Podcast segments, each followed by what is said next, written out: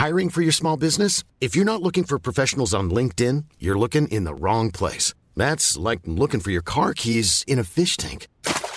LinkedIn helps you hire professionals you can't find anywhere else, even those who aren't actively searching for a new job but might be open to the perfect role. In a given month, over 70% of LinkedIn users don't even visit other leading job sites. So start looking in the right place. With LinkedIn, you can hire professionals like a professional. Post your free job on linkedin.com slash people today.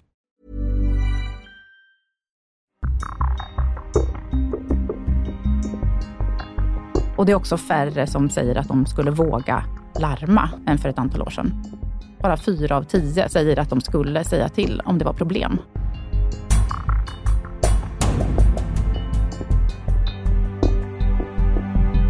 Ja, men hej och välkomna till det andra avsnittet av Visselpodden med mig, Mikaela Åkerman. Pia Thyselius. Och den här podden är alltså ett samarbete mellan säkerhetsbolaget SRS och visselblåsarinitiativet Vissla. Och vi är väldigt glada att ni är här och lyssnar. Det här är det andra avsnittet som sagt och vad säger du Pia? Börjar bli varm i kläderna? Ja, det får vi väl säga. Eh, förra avsnittet, förra intervjun var väldigt intressant och idag ska vi ha ytterligare en jätteintressant person som vi ska prata med. Absolut. Det är ingen mindre än Journalistförbundets ordförande Ulrika Hyllert. Hur mår du idag? Jättebra, tack. Väldigt roligt att få vara här. Ja, du är hemskt välkommen. Innan vi drar igång, apropå visselblåsning, så måste vi kanske nämna något som det pratas mycket om just nu.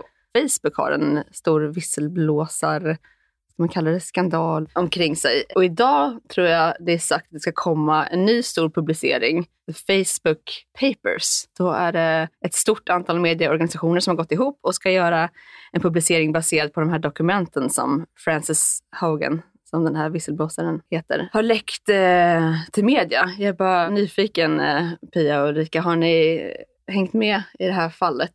Ja, men lite grann. Mm. Eh, det är ju alltid väldigt både intressant och viktigt när, när det är någon som också kommer från den här typen av företag, Mm. eh, som faktiskt väljer att gå ut och berätta.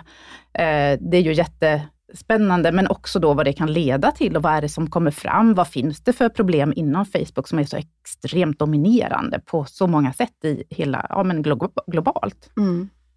För hon har ju på något sätt ändå, i alla fall av vissa, då hyllats som en hjälte som vågar stå upp mot det här stora eh, bolaget. Det är ju trots allt en, liksom, ett av världens största bolag. Det berör väldigt många. Vad tror ni det kan betyda att en sån person eh, faktiskt träder fram med namn?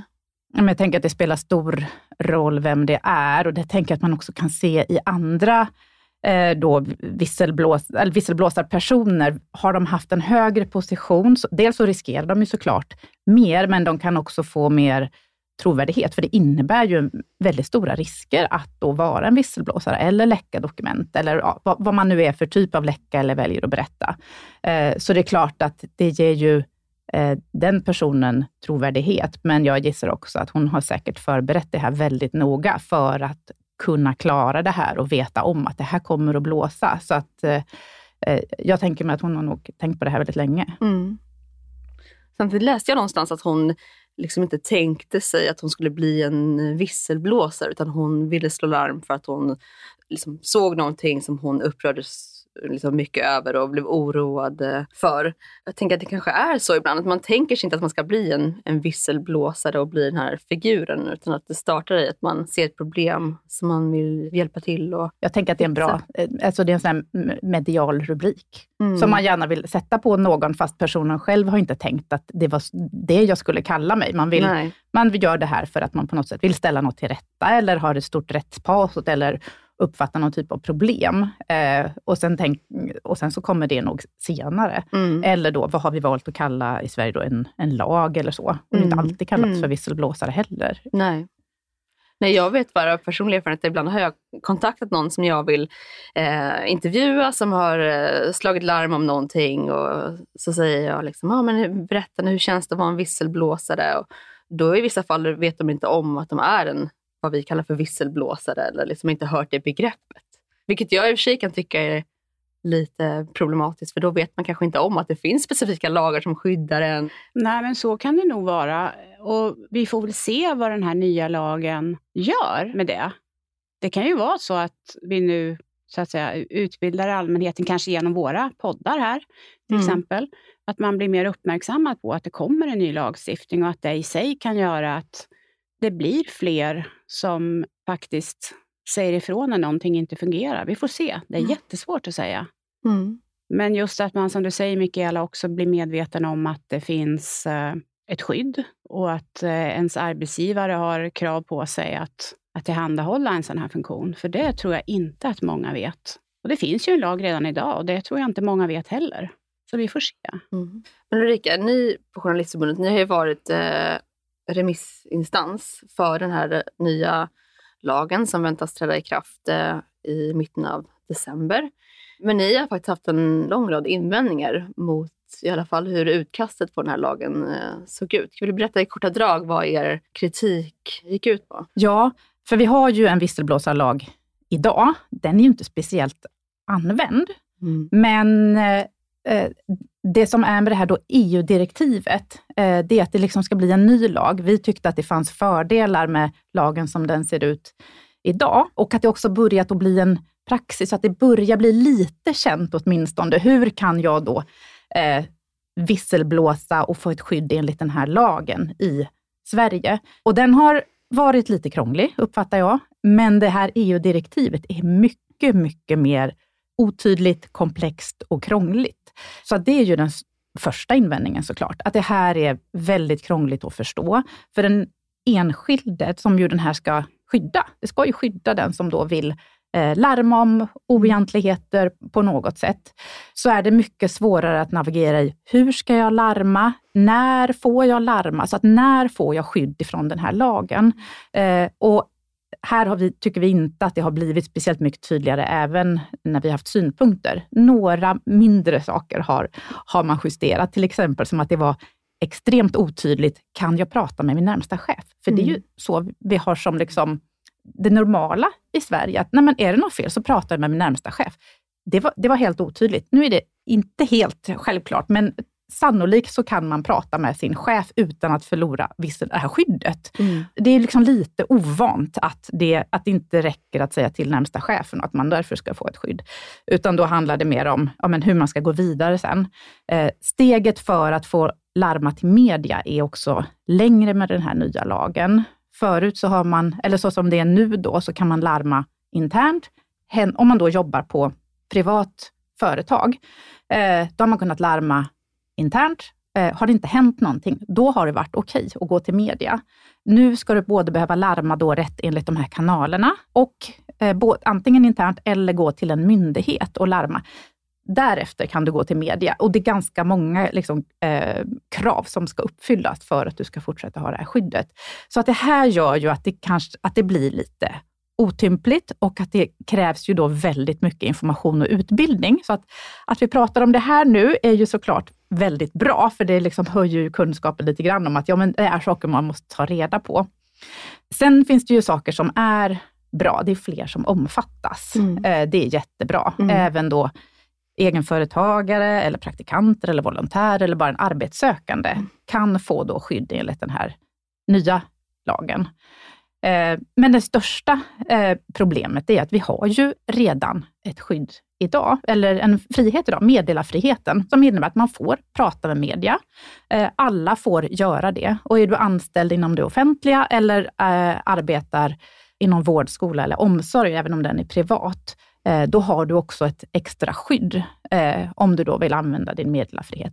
Och där betyder det att du kan prata med en journalist om vad som helst. Du behöver inte uppfylla några krav. Du, du får berätta om vilken uppgift som helst i verksamheten, om det inte då är sån eh, kvalificerad sekretess på det hela. Det. Annars får du även berätta om saker som är hemliga. Och det kommer man fortsätta få göra. Och den här lagen förhåller sig meddelarfriheten ska stå över den här lagen. Men det här riskerar ju att jobbar du inom en kommun så kommer du kanske tro att du måste då gå genom intern visselblåsarkanal eh, och sen kanske till en myndighet och därefter till media, när det faktiskt är fritt fram att prata med en journalist när som helst om vad som helst. Så det är den stora kritiken från oss, att det här Mm. undergräver meddelarfriheten som vi har redan idag. Mm. Men om man utnyttjar meddelarfriheten för att ha kontakt eh, med media, Hur ser det skyddet ut då som man har? För då har du ju inte skydd enligt visselblåsarlagen, men du har skydd enligt meddelarfriheten. Mm.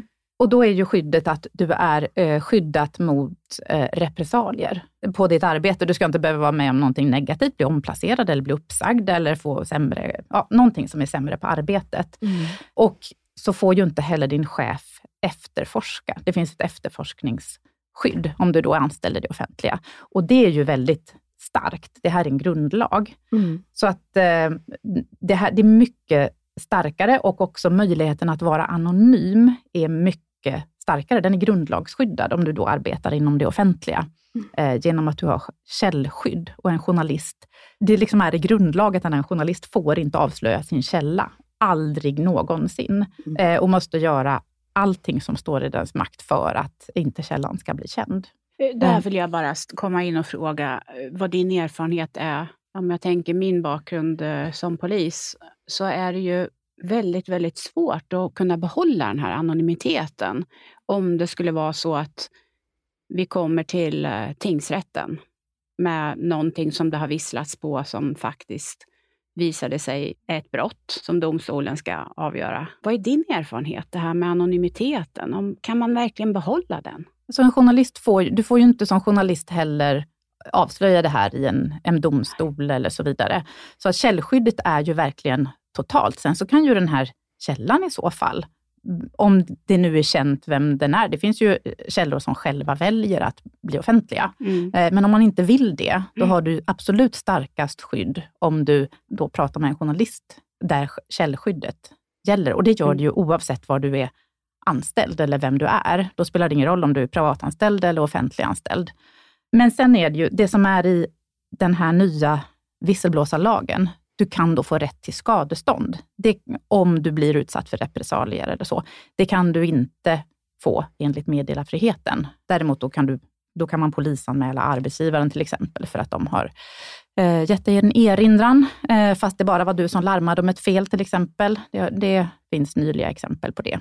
Ja, vad bra, för jag tror det är viktigt att reda ut det där, för jag tror det är många som känner sig osäkra och det är därför man kanske väljer att inte vissla eller använda sin meddelarfrihet, därför att man, man är orolig för att man ska kunna fortsätta vara anonym. Ja, men absolut. Jag tror att det, finns en jättestor, ja, men jättestor mm. okunskap, även om då meddelarfriheten, som mm. vi har haft jättelänge ja. eh, och som då har varit likadan eh, och så vidare. Men här verkar det också som att det har blivit kunskapen har eh, blivit sämre. Så fackförbundet Vision, som då har, eh, som organiserar de som jobbar i kommuner och landsting, som är anställda på kommuner och så, de har gjort eh, regelbundet undersökningar. Och där är det så att, jag tror att det är under hälften som känner, som känner att de har tillräcklig kunskap om det här, eller känner till vad meddelarfriheten betyder. Och den har liksom, det, kunskapen har minskat de senaste åren. Och det är också färre som säger att de skulle våga larma än för ett antal år sedan. Bara fyra av tio säger att de skulle säga till om det var problem. Men det är ju eh, allvarligt. Varför ja. tror du att det är så? Eh, Varför har det blivit så, tror du? Jag tror att det har att göra med att det är Ja, men dels kan det nog handla om okunskap. Man behöver ju hela tiden prata om det här. Arbetsgivarna behöver ju informera om det här och har mm. ju ett mm. ansvar för det här. Men sen så om man också tittar på här, utvecklingen i samhället och hur både här, myndigheter och kommuner så har det blivit viktigare, om man pratar om så här, en kommuns varumärke. Eh, ja, och då vill man liksom värna det och det är fler kommunikatörer som jobbar med det här. Och vi har också mer privata företag som jobbar inom det offentliga och där har det då varit mycket kortare tid som man har kunnat använda sin meddelarfrihet. Så jag tror att det är olika samverkande faktorer med både okunskap, en utveckling i samhället, hur man liksom ser på sin myndighet eller sitt, sin kommun eller så. Men sen kan det också ha att göra med att det finns, om man har en otrygg anställning, eh, så är man mindre benägen att också säga ifrån, för då vet man att eh, man kanske inte får fortsätta. Och det är, det är väldigt svårt att bevisa att man har då drabbats av en repressalie. Sen tror jag också att det finns ju flera uppmärksammade fall och en del blir då hjältar i media, men de har ofta kanske fått lämna sitt jobb. Det har blivit väldigt jobbigt på arbetsplatsen. Så att det är väldigt tufft att vara den som faktiskt säger ifrån. Så det har mm. ett högt pris. Så att, eh, men tack och lov så finns det ju personer som verkligen tycker att det är värt det och det är vi ju alla bekänta av. Hur ser du på redaktionernas roll i det här och att, att utbilda folk? Att ni kan faktiskt vända er till oss, medierna, med information?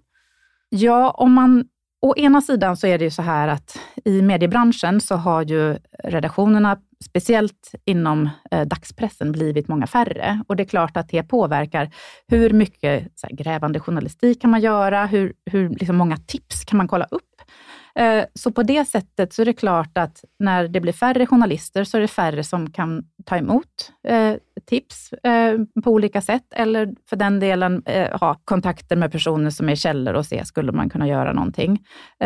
Samtidigt så tycker jag att de som, det har ju satsats ändå trots att det är färre, så finns det mer satsningar på grävande journalistik, på egna, eh, även så här minigräv inom kommuner. Så att eh, utvecklingen går ändå åt rätt håll, att göra egen originaljournalistik. Och där tycker jag också att man ser att det är mycket bättre nu med redaktionen, att man har så krypter, att man ber om att man ska höra av sig via eh, krypterade appar eller mm. någon, någonstans där man kan höra av sig så att det faktiskt inte är spårbart. Och ju mer man pratar om den eh, typen av hur man kan höra av sig och att vi värnar ditt källskydd och du gör det på det här sättet, så eh, blir det ju också mer uppmärksammat. Och sen då om, men sen hur egentligen kunskapen om meddelarfriheten ser ut, jag, jag, tror tyvärr att det är ganska lågt och man blandar ihop det, och, vilket inte är så konstigt. Den nuvarande visselblåsarlag är ny. Eh, och den är också ganska ny. Mm. Så, så att det är inte så jättekonstigt att det, är, att det verkar lite rörigt. Nej. Men om vi går tillbaka till den nya lagen. Jag vet att en del av er kritik har varit att eh, den svenska lagen faktiskt strider mot EU-direktivet i att den då försämrar det befintliga skyddet och det, det får det inte göra. Vad har ni fått för respons där? Eh, ja, men det är ju, vi har ju försökt eh, vara ute och debattera, men jag tror att det här har varit en så komplicerad lag och när EU-direktiv som är då väldigt omfattande, det har inte engagerat så himla många. Eh, så att tyvärr så har det liksom inte blivit så mycket uppmärksamhet och det tänker jag att, ja, att vi sitter här och pratar mm. Eh, om det här och att det är många som inte känner till att den här nya lagen är på gång eller vad den innebär. jag tänker att det visar på att det är krångligt. Men vi menar ju att, den här, att det blir sämre skydd eh, och att det är svårare att gå till media för att du måste liksom, det är fler kriterier som du måste uppfylla. Men det här är inte helt klart heller. Det finns saker som är väldigt otydliga i den nya lagen, vilket ju också såklart är ett problem. Mm. Det är flera saker vi inte vet. Eh, så jag skulle inte kunna ge, om någon skulle höra av mig, sig till mig och säga, hej men 19 december, då, då vill jag, eh, visst jag har något att berätta, och, för då har den nya lagen börjat gälla.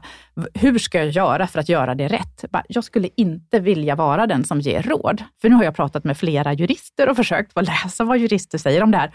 Och det är inte en entydig bild. Förhoppningsvis så kommer det komma klarare direktiv innan lagen börjar gälla, hur man gör. Eh, vilka myndigheter också är det jag ska kunna eh, som ska ha de här kanalerna och vad är det som gäller? Men sen blir det nog en period där det är oklart och man får se. Men jag tror att de stora skandalerna kommer nog inte att komma via de här visselblåsarkanalerna. Det kommer vara personer som anonymt kan höra av sig till en redaktion, eh, så att man verkligen vet att man kan vara total anonym och att det inte då ska passera olika instanser och man ska få någon återrapportering om en viss tid. Och, ja, så. Så att, eh, jag hoppas ju att det här också kan göra att man kan prata mer om meddelarfriheten.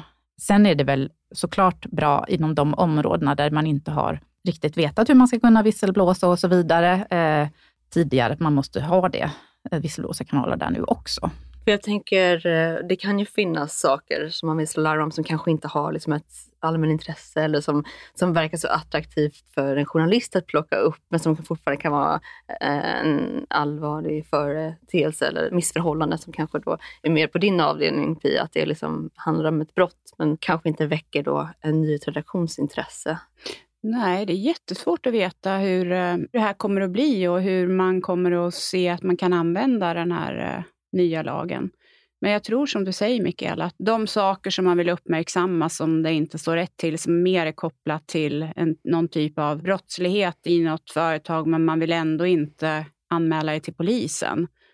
Då kanske man kommer använda de här visselblåskanalerna istället för att gå till en journal... Jag, jag, tycker det är jättesvårt att veta. Det finns ju inget hinder från att Nej. man gör både och heller. Nej. För jag tänker i privata företag, där man ja. då inte har haft oftast visselblåsarkanaler tidigare, eh, så är det väl såklart jättebra att det finns fler vägar att vända sig till. Eh, och att också, jag tror att i och med att man behöver inrätta det här, så måste eh, kunskapen öka, både hos chefer och de anställda i ett privat företag, kring att det är meningen att du ska säga till. Och det är ju för att liksom pengar och verksamhet ska kunna bli bättre och att såklart man ska upptäcka brottslighet och så vidare. För jag vet att grunden till det här handlar ju om att här, skydda hur EU-medel används och det finns ju jättemycket eh, bidrag på olika sätt. Så det finns väldigt många områden där EU är, liksom, är angelägen om att liksom, oegentligheter ska komma upp till ytan och att man ska kunna komma till rätta med det. Så att jag, jag hoppas ju att det här kommer att användas och också då att visselblåsarkanalerna kommer att funka bra. Så att, hur tar man emot det här? Tar man de här larmen som kommer in, tas det på allvar? Hur väljer man att utreda det? Så det är mycket saker som ska funka. Då Det är viktigt att det är om en seriösa aktörer som liksom kan ta emot det här och hantera den här typen av eh, anmälningar eller larm eller vad vi nu ska kalla det då, visselblåsare. Men jag tror inte att de som använder en visselblåsarkanal känner att de då är visselblåsare, utan de här, har anmält någonting som är fel. Så då beror det på vad det leder till. Och det är klart att alla då som är angelägna om att fel kommer fram eh, har stora förhoppningar eh, på det här. Så att, för att vi liksom tillsammans ska kunna få ett bättre samhälle på olika sätt. Ja, och jag tror också att, ehm, och jag hoppas att de eh, bolagsföreträdare eller arbetsgivare då inom, inom olika företag, att de ser det här också som någonting som visar att de är ett seriöst företag som tar det här på allvar och det är ju bra för deras varumärke. Så att jag hoppas att vi kan få lite draghjälp där också. För de är ju faktiskt skyldiga att, att ha den här interna visselblåskanalen. Eh, och tar man inte det här på allvar så, så skulle jag i vart fall tycka att det skadar liksom varumärket lite grann. Att man inte tar det på allvar. Ja, men absolut. Och, för, och jag hoppas, för jag vet, om man bara tittar på där det har varit anmälningar om problem nu inom vården, till exempel under corona, så det har ju inte hanterats bra, ofta de här uppmärksammade, att ja, men då, då är det personer som har sagt till och visselblåst om att eh, ja, men då, covid-sjuka, att personal går mellan till exempel, vilket ju är jätteallvarligt. Mm. Men ändå reaktionen från arbetsgivaren är att så här, nej men du, det här, du, det här, så här får du inte säga, du får inte, du, du får inte prata om det här överhuvudtaget. Och den reaktionen är ju jätteproblematisk. Och att det är så idag, där dess, man i dessutom verksamheter man har meddelarfrihet. Eh, det är ju jätte märkligt och såklart oacceptabelt. Men jag tänker att det tyder ändå på någonting att man, om man bara går då på, kanske vissa som går på magkänslan, som är då kanske för ja, ansvariga chefer, eh, så måste man ju se till det högre syftet. Alltså, nej men det är klart att vi måste komma till rätta med det här. Och både på kort och lång sikt och att det är bättre. Men jag är orolig. Det är alltid människor eh, som man har att göra med och då eh, är det inte säkert att alla kan liksom sätta sig i det här helikopterperspektivet och se att det blir bra på en annan nivå. Nej, och det har vi varit inne på tidigare, Pia, när du och jag har pratat om det här att alla tycker ju att visselblåsning i grunden är någonting bra. Men sen när det väl kanske drabbar en själv eller ens organisation så blir det en jobbig situation och man slingrar sig och slår ifrån sig kritik. Och, eh, senast nu det här Facebook-fallet eh, då, så har ju Mark Zuckerberg gått ut och känner inte alls igen sig och liksom menar att eh, Frances Hogan eh, inte alls har rätt i det hon säger och man har liksom svårt att ta till sig eh, kritik. Och i hennes fall så där eh, vände hon ju sig till eh, myndigheter och till media. Så hon gjorde någon slags dubbellarm eh, där. Och det jag ville fråga dig Ulrika, det är att nu är det liksom många medieorganisationer som går ihop för att liksom, ehm, släppa en större granskning. Och jag vet inte om det bara är jag som upplever att det har blivit vanligare, men att det, jag tycker vi ser den här typen av eh, publiceringar som görs liksom över eh, nätverk av medieorganisationer. Varför tror du det har blivit så? Är det det som krävs idag för att man ska liksom få någon genomslagskraft? Eh, det finns ju en helt annan, alltså om det är någon då som läcker hemliga dokument så kan det ju vara i en extremt stor mängd. Och de, det går ju också, eftersom att vi har Eh, mycket mer digital kontakt med varandra, så går det ju att dela ut det. Och det är också väldigt resurskrävande såklart att gå igenom alltså miljontals alltså dokument och data och sammanställa det. Så att om man ska klara det och göra det ordentligt, så eh, är det ju fantastiskt att man kan samarbeta på det här sättet. Och en sak som vi hade hoppats från Journalistförbundet, det är ju att man skulle höja nivån i att eh, då vara, fortsatt vara ett föredöme när det gäller eh, pressfrihet och att man ska kunna larma i Sverige. För att det är andra länder som liksom tittar på vår lagstiftning och våra regler när det gäller öppenhet och hur medier kan arbeta och vad man ska kunna granska och så. Eh, men tyvärr så ser ju vi då att vi har i den här nya lagstiftningen så har vi inte liksom lagt på något extra. Eh, så att det kommer ju fortsatt vara, även i Sverige, eh, inte tillåtet enligt någon lag att läcka hemliga dokument till exempel.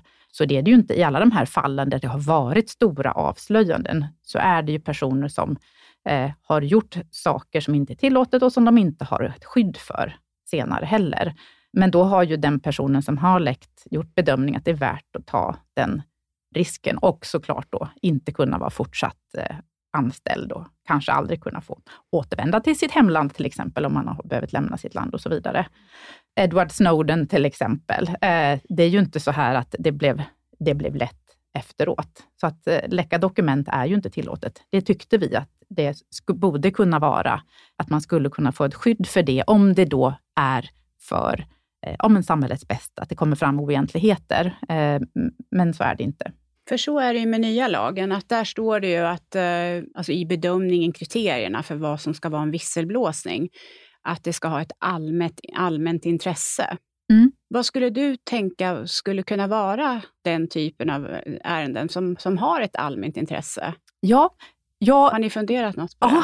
Ja, jättemycket och verkligen ja. lusläst i vad det står då i förarbetena till lagen, eftersom att det här är ju ett begrepp som journalister hela tiden har då när det gäller yrkesetiskt och hur man ser på publicitetsreglerna, där man säger att man får namnpublicera till exempel om det finns ett allmänintresse. Mm. Och här har man då i en lag använt samma begrepp. Och det, och det här kommer ju då kanske röra till det. Jag tror att det finns vissa saker som är överlappande, men du har ett etiskt begrepp som handlar om allmänintresse och så får du ett juridiskt begrepp som också heter allmänintresse. Det hade varit bra om det hade varit olika begrepp för att man inte ska blanda ihop det. Eh, för det kommer nog eh, inte att vara helt lika. Men i nuvarande lag så, stå, så handlar det om att du får ju då eh, larm larma om saker som då, du får ett skydd om det är någonting som skulle ge fängelse eller motsvarande. Så alltså ganska grova saker.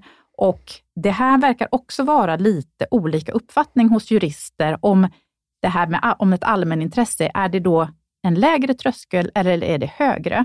Och jag hoppas att praxis kommer visa att man kanske sänker tröskeln lite grann, att det inte måste vara så pass allvarligt att det är någon som får att det skulle liksom leda till fängelse när det här, om det, någon skulle bli fälld för det. Men det handlar om att om jag är anställd någonstans och jag är sur på min chef och det bara rör mig som person, då är det inte ett allmänintresse. Eh, så där kan man väl ändå säga eh, att det här, var ena gränsen för det här begreppet går. Men jag kan ju inte svara exakt. Och jag har då ändå pratat med flera jurister och verkligen läst det här. Bara, vad, vad, betyder det egentligen? Och det är inte helt klart. Men för jag kan känna igen mig i den här känslan av otydlighet. Min bakgrund som polis, så, så, så vet jag, har jag ju klart för mig vad som är ett grovt brott med, där fängelse följer i straffskalan. Så det är inga konstigheter. Men att lägga till allmänintresse, för mig blir det två, kan bli två helt olika händelser. Det, det, måste ju inte vara så att, att det måste ingå fängelse i straffskalan för att det ska vara ett allmänintresse, kan jag känna. Nej. Och jag har, precis som du, hört med jurister och det verkar inte vara någon som, som riktigt kan göra den där gränsdragningen.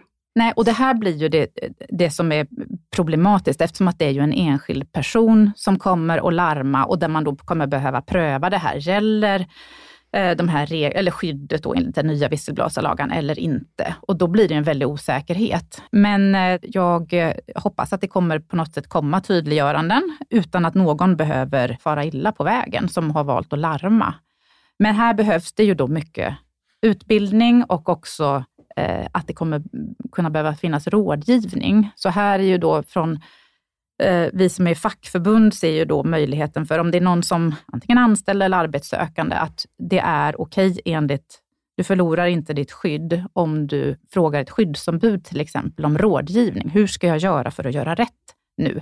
Är det, har jag tillräckligt på fötterna för att larma? Är det här någonting? Så att det, kommer, det känner jag då att eh, vi har ett ansvar i fackföreningsrörelsen, som också då finns ute på arbetsplatsen, att kunna hjälpa till med rådgivning.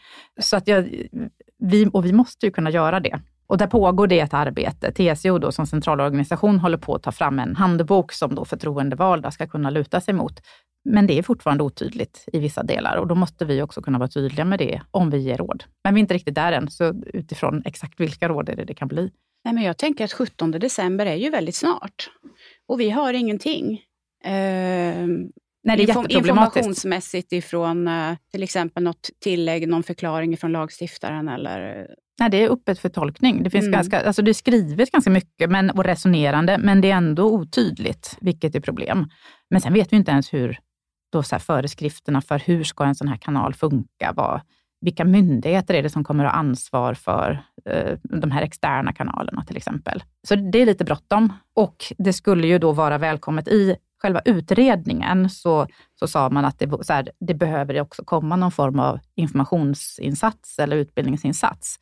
Det har vi inte sett än, hur det liksom ska kunna bli av. Men det tänker jag är, vill man att det här ska, eller vill man, menar man allvar med lagen så behöver man ju verkligen också ta ansvar för det. Så att eh, det inte då är eh, initiativ som det här som bara själva får bära eh, mm. informationen mm. kring det här. För det är ju eh, såklart ett jättejobb eh, att kunna upplysa liksom hela allmänheten om det här.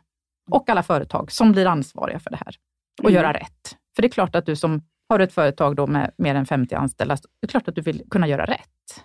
Eh, och då behöver du veta hur. Ja, och jag kan ju känna som ansvarig för det här på SRS att det är ju liksom min skyldighet att eh, om vi nu tillhandahåller en sån här tjänst som vi ju gör, då måste jag ju också kunna svara på alla frågor. Och vi, har, vi pratade initialt här innan vi drog igång vår podd för idag. Hur, hur ska vi tänka med de här företagen och bolagen som har eh, kontor runt om i världen?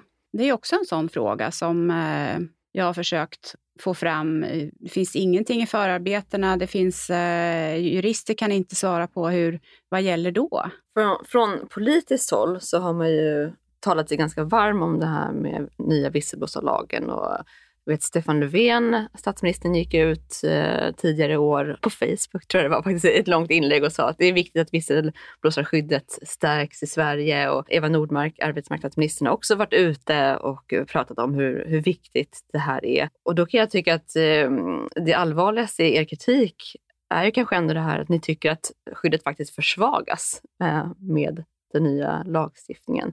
Vad måste hända nu som ni, ni ser det för att det här ska bli bra? Nej, men jag tänker att det, det är svårt. Jag, jag, har väldigt svårt att tro att även om jag skulle tycka att så här, nej men, gör om det här, omarbeta lagen nu, det, är ju liksom, det har jag svårt att tro att det kommer hända. Så att det handlar väl mer om hur kommer tillämpningen av det här att vara eh, och vad kan man i så fall eh, justera. Men det viktigaste tror jag är utbildning och information och att det också då faktiskt ifrån regeringen behöver komma besked om att det faktiskt finns också pengar till utbildning och informationsinsatser och det har vi inte sett än. Även om själva utredningen liksom har rekommenderat det, så finns det inte någonting med i budgetförslag och så vidare än. Men det är väl någonting som vi både förväntar oss och vill man få att det här ska funka så måste det också finnas stor informationsinsats så att fler vet hur man ska kunna använda det här. Har du några konkreta liksom, tips till någon som vill vända sig till media med ett larm? Jag tänker enkla saker som att inte använda sin jobbmail eller eh, använda sig av de här krypterade tjänsterna som redaktionerna har. Finns det några sådana där saker man ska ha i åtanke? Ja, men jag tänker att man, det finns ju de som sitter på information som handlar kanske om eh, Sveriges, eh, där Sverige har relationer med andra stater, där man kanske, kanske har ett annat rättssystem. Du kan ju vara utsatt för hot eller riskera ditt liv för att du till exempel skulle avslöja någonting som har med vapenaffärer att göra, eller inom näringslivet där det står väldigt mycket pengar på spel eller forskning eller så. Så det är klart att det, det kan ju finnas stora personliga risker, även om du i slutändan skulle vara skyddad på något sätt, så är det ändå, du kanske tar en risk. Så då skulle jag ju, om jag, men även om det är liksom en mindre sak, man vet ju inte, att så här, kolla upp vilka redaktioner verkar ha koll på källskydd. Vilka använder krypterade tjänster? Sannolikt är det bättre att använda en krypterad app. Använd inte mail, det är fortfarande liksom mer krångligt med krypterad mail. Så att se till att du själv inte kan bli spårad och kanske ännu mer, det finns också att du kan vara helt anonym, att du inte går att bli spårad, antingen då via olika system på nätet, eh, men det går ju också att skicka papperspost. Alltså bara tänk, gå tillbaka till, var inte så himla digital. Också att telefoner kan bli spårade och också att man kommer ihåg att det är ju ganska nyligt som det har avslöjats att jättemånga telefoner har varit avlyssnade från andra stater. Så att, att man faktiskt är lite överförsiktig och kanske då, man kan behöva vara lite konspiratorisk utan att man behöver känna sig galen för det. Mm. Hellre ta det säkra före det osäkra. Och sen spara dokument om man har. Eh, se till att ha på fötterna så att man faktiskt kan bevisa vad som har hänt i det här, några av de här senaste fallen där det har varit då, eh, problematiskt under eh, corona med Attendo, då har det ju också varit personer som har spelat in samtal med sin chef till exempel, eh, eller på andra ställen. Så att men spela in saker, spara saker så att man faktiskt har bevis. Annars står ord mot ord och det är ju jättesvårt att visa då. Och sen att man behöver ha stöd ifrån alltså sin familj till exempel, eller vänner, gärna kollegor om det går. Även om är du en som larmar så riskerar du att faktiskt bli utfryst på jobbet. Så att man faktiskt har den, det stödet och backup. Och sen är det ju ett skydd att när någonting blir offentligt, att du verkligen har liksom kollat upp hur, hur kan, funderat kring att det här kommer nog bli stormigt i media, men när något blir offentligt så kan det också vara ett skydd för dig själv som eh, är den som larmar. Så det är ju några saker att tänka på. Och det är inte säkert att man förstår det här från början heller. Det beror lite mm. på vad man har, om man vet så här, oj, här, nu sitter jag på något jättestort. Eller så tänker man, ja men det är min skyldighet här att säga ifrån att det inte verkar funka på den här arbetsplatsen. Det var också tidigare under corona en arbetsplats där mm, arbetsgivaren har sagt att nej men alltså, ni, vi kan inte vara hemma bara för en liten förkylning, det går inte. Och det då behövde bli en stor fråga till slut. Och det är ju inte säkert att personen vet det från början. Får man göra den typen av saker, samla på sig den eh, typen av dokumentation? Jag skulle kunna spela in, om, utan att ni visste om det nu, så länge jag är med i samtalet så får, jag, så får man spela in någonting. Sen så kan det ju såklart vara problematiskt, kanske etiskt eller moraliskt eller en förtroende, det blir en problem sen kanske om det kommer fram att jag spelar in alla samtal med min chef och sen blir det offentligt. Det är klart att det blir kan bli lite frostigt och problematiskt sen, men det är inte olagligt att spela in samtal. Det är ju om man har dokument då med, som har så kvalificerad sekretess, så att det kan vara hot mot rikets säkerhet till exempel. Och du får inte heller sprida eh, uppgifter om hälsotillstånd hos en enskild person till exempel. Så det finns ju gränser där, men de är ju, det är ju, då har man ju gått ganska långt. Så, men ganska mycket får du ju berätta enligt då meddelarfriheten. Men det krävs ju mer då enligt den här nya visselblåsarlagen och den gamla visselblåsarlagen. Jag tänkte, du nämnde det här att eh, det kan ju vara bra att man har stöd ifrån sin familj och, och vänner och så. Och det är ju faktiskt så att den nya lagen den är ju väldigt utvidgad när det gäller skyddet för den för en enskilde. Så att det står ju faktiskt att eh, även den som hjälper den som visslar har ju ett skydd eh, enligt den nya visselblåsarlagen. Så där har man ju ändå tänkt till. Ja, men det finns ju vissa delar, plus att du också rätt kan ha rätt till skadestånd, för så är det ju inte enligt meddelarfriheten. Så det är ju en stor skillnad i vad du som enskild faktiskt då kan ha rätt till. Och också då möjligheten till upprättelse.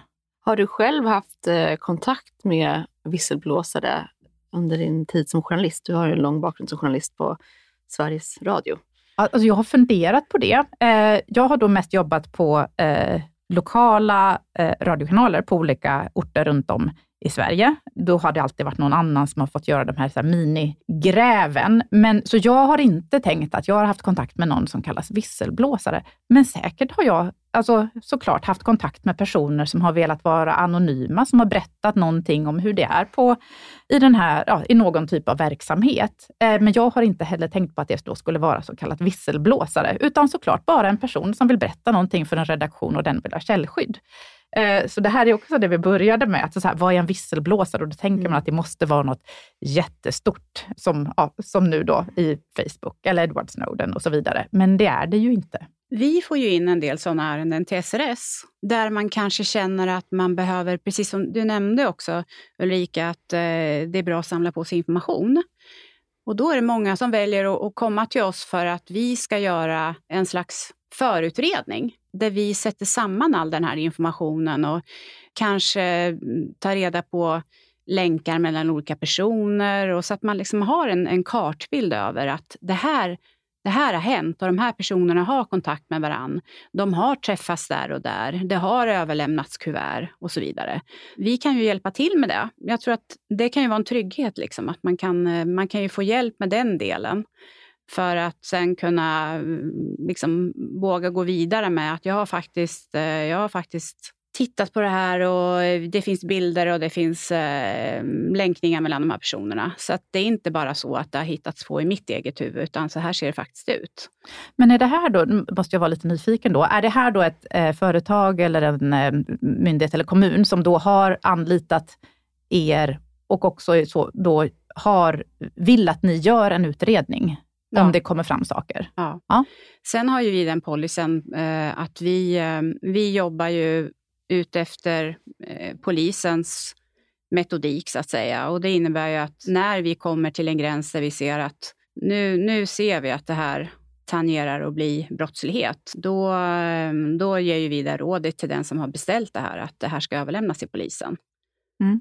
Och när kan det, kan det bli aktuellt att ni också då överlämnar till någon myndighet som är ansvarig för, om det nu handlar om mutor eller alltså den typen av, eller blir det en polisfråga då, eller är det en myndighet som kan vara eh, undersöka vidare? Alltså den här som har vänt sig till oss för att, för att få den här kartbilden så att säga tydlig, är ju den personen som får ta det beslutet. Det kan ju vi inte överpröva och ta egna initiativ eftersom det här är en person som har kommit till oss i förtroende för att utreda det här. Så det är ju ingenting som vi gör, men vi ger också råd. Till exempel att det bör lämnas över till den här myndigheten eller det bör lämnas över till polisen. Så det är det vi är väldigt tydliga med. Så det är inte så att vi jobbar på det sättet att vi tycker att det ska sopas in under mattan, utan tvärtom. Att vi, vi har en väldigt stor rådgivande del i slutet av den här utredningen, där vi är väldigt tydliga med hur vi tycker att man ska göra fortsättningsvis. Mm. De är ju oftast väldigt komplicerade, de här visselblåsärendena, för det är många, kan vara många människor inblandat och, och, väldigt mycket otydligheter som man behöver reda ut när det gäller länkningar mellan personer och platser och så här. Vi pratade lite innan eh, om eh, visselblåsarstormen eh, kring eh, klädföretaget Naked. Och där var det ju eh, tidigare liksom anställda och praktikanter som gick ut egentligen på sina sociala kanaler eh, på Instagram och berättade om vad de hade varit med om. Och, och därifrån spreds det sedan vidare och plockades upp av eh, medierna. Men det var egentligen ingen som vände sig till, till medierna först. Jag tänker mycket på den här liksom, yngre generationen som kanske inte har den här relationen till media som kanske deras föräldrar hade. Att man är van vid att vända sig liksom, eh, till sina vänner och eh, använda sina sociala plattformar till att nå ut. Ja, men, och då är det ju bara så att vi har ju både den nya visselblåsarlagen och meddelarfriheten, är ju, då är de i så fall hopplöst eh, ålderdomliga, eller det är de ju då, mm. eller gammeldags.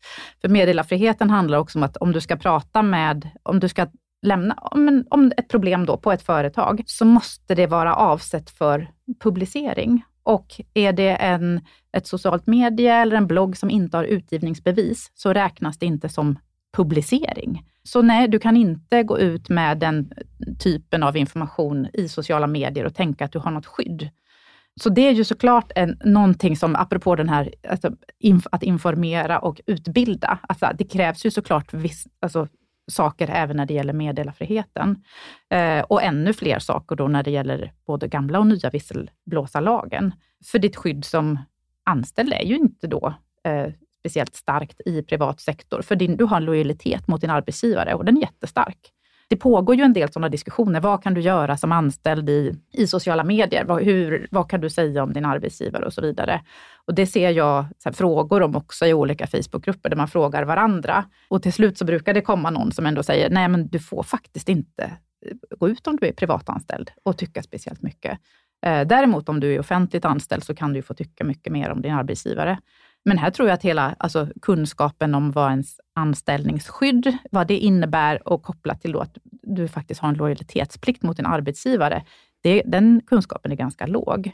Så. Mm. Men här blir det ju istället då att, man, att det är många tillsammans eh, som lyfter ett problem och är man många tillsammans så blir man också i så fall då kanske lite mer skyddad, även om jag gissar att det är några som kommer kunna råka illa ut, eh, beroende på arbetsgivare. Mm. Men sen om det är då, beroende på vad det är för oegentligheter eller problem, så ska de i så fall också då ha en viss, om du nu ska omfattas av den nya visselblåsarlagen, att det ska vara en viss då, vad, vad är allmänintresset? Hur, hur hög är tröskeln för, eh, vad, ja, vad är det, hur allvarligt är det? Men här finns ju också då annan hjälp ifrån fackförbund som kan hjälpa dig om det blir problem med eh, din anställning och så vidare, så man kan få hjälp att bli företrädd, även om det då i vissa fall är så att ja, men, lojalitetsplikten är stark till exempel. Ja, för I det här fallet blev det ju lite av en snöbollseffekt, att någon trädde fram och det här fick stor spridning och då eh, poppade det upp fler som kände igen sig i den här beskrivningen. Då, eh, och plötsligt eh, var de, precis som du säger, eh, en handfull personer som ihop målade upp en bild av eh, ett specifikt företag. Och det är kanske en effekt som man vill uppnå ibland, att man vill hitta fler som varit med om om samma sak. Att, att komma ifrån det här att känna sig som en ensam visselblåsare. Men då antar jag att där, där har ju traditionell media också en roll eller ett syfte att fylla. Att där har man ju då chans att nå ut brett och kanske då hitta folk som varit med om, om liknande saker. Men det är bara kanske ett litet längre steg. Ja, men, men jag tänker att efter, alltså, eller både under och efter metoo, eh, så var det också samma typ av att det var då publiceringar i sociala medier, även om det var i mindre grupper, eller att man ville nå ut med, det här har jag varit med om, eh, antingen om det är på den här arbetsplatsen eller kopplat till en person. Och att då skyddet mot då att, ja, men då kan du hamna i att du har förtalat någon istället. Att det är den som då, om man nu använder då ordet visselblåst eh, eller larmat om det här, så är det den som då eh, blir eh, anklagad för förtal istället. Eh, samtidigt som att det då kanske är då många andra som har känt igen sig. Så det finns ju en, eh, liksom också en pågående diskussion i vad händer när saker då eh, blir offentligt i sociala medier och så. Och att vi ändå har ett samhälle där det, där det förekommer. Alltså där det är så att man förväntar sig att det är där man ska kunna prata om saker. Men våra lagar förhåller sig inte till det på samma sätt, eller det finns inget skydd. Så att det är ju en, också en del i det här som man behöver ta hänsyn till och fundera på om man nu ska ha utbildning och information. Hur, hur ska man i så fall nå ut på ett bra sätt? Mm. Ja, man kan väl kanske sammanfatta det här samtalet med att det behövs en hel del information för att hjälpa folk där ute eh, att navigera när man vill slå larm på olika sätt. Absolut, jo, och vill man det så, är det, så här, det går ju då att söka information eller vända sig till personer som kanske har mer kunskap och förhoppningsvis så eh, kommer vi här vara mer experter när vi vet lite mer eh, kring det som är oklart idag. Så att det går att svara på fler frågor kring det, eh, även om det går att förklara hur vissa delar såklart i det idag också. Ja, du och jag, Mikaela, vi bygger ju på vår kunskap efter varje intervju, för alla ni som vi intervjuar sitter ju på väldigt mycket kunskap, men från olika vinklingar. Eh, vilket jag tror är viktigt i, i eh, informationen i den här lagen. Att när vi, när vi ska försöka eh, utbilda er alla där ute, så tror jag det är viktigt att höra alla olika vinklingar och vad som gäller och vad vi vet idag. Så vi hoppas ju att vi, att vi blir också de här som hjälper till med att sprida informationen. Tusen tack Ulrika för att du tog dig tid att komma hit idag. Eh, fortsättning följer får man väl säga på den här diskussionen. Då. Många frågor kvar att besvara, Pia. Ja, ja, tack Ulrika. Tack för att du kom. Mm, men tack så jättemycket. Mm. Och tack till alla er som har lyssnat. Eh, det här var alltså det andra avsnittet av Visselpodden. Vi hoppas att ni fortsätter att hänga med oss i den här serien. Vill ni komma i kontakt med oss eller läsa mer om vad vi gör så finns vi eh, på våra sociala kanaler. Vissla finns på Twitter och LinkedIn till exempel, men eh, framförallt kanske på Instagram där vi är mest aktiva. Det går också att besöka oss på www.dagsatvissla.com. Där kan ni också skriva upp er på vårt nyhetsbrev. Och eh, SRS, Pia, var hittar man er? Ja, vi har ju en hemsida, srsgroup.se och sen har vi eh, LinkedIn där vi har en hel del information om visselblås också. Där finns det också ett antal intervjuer med mig där vi pratar om olika delar i lagstiftningen. Så där kan man också hitta lite mer information om det här. Då sätter vi punkt för den här sändningen. Eh, ha det fint så hörs vi snart igen.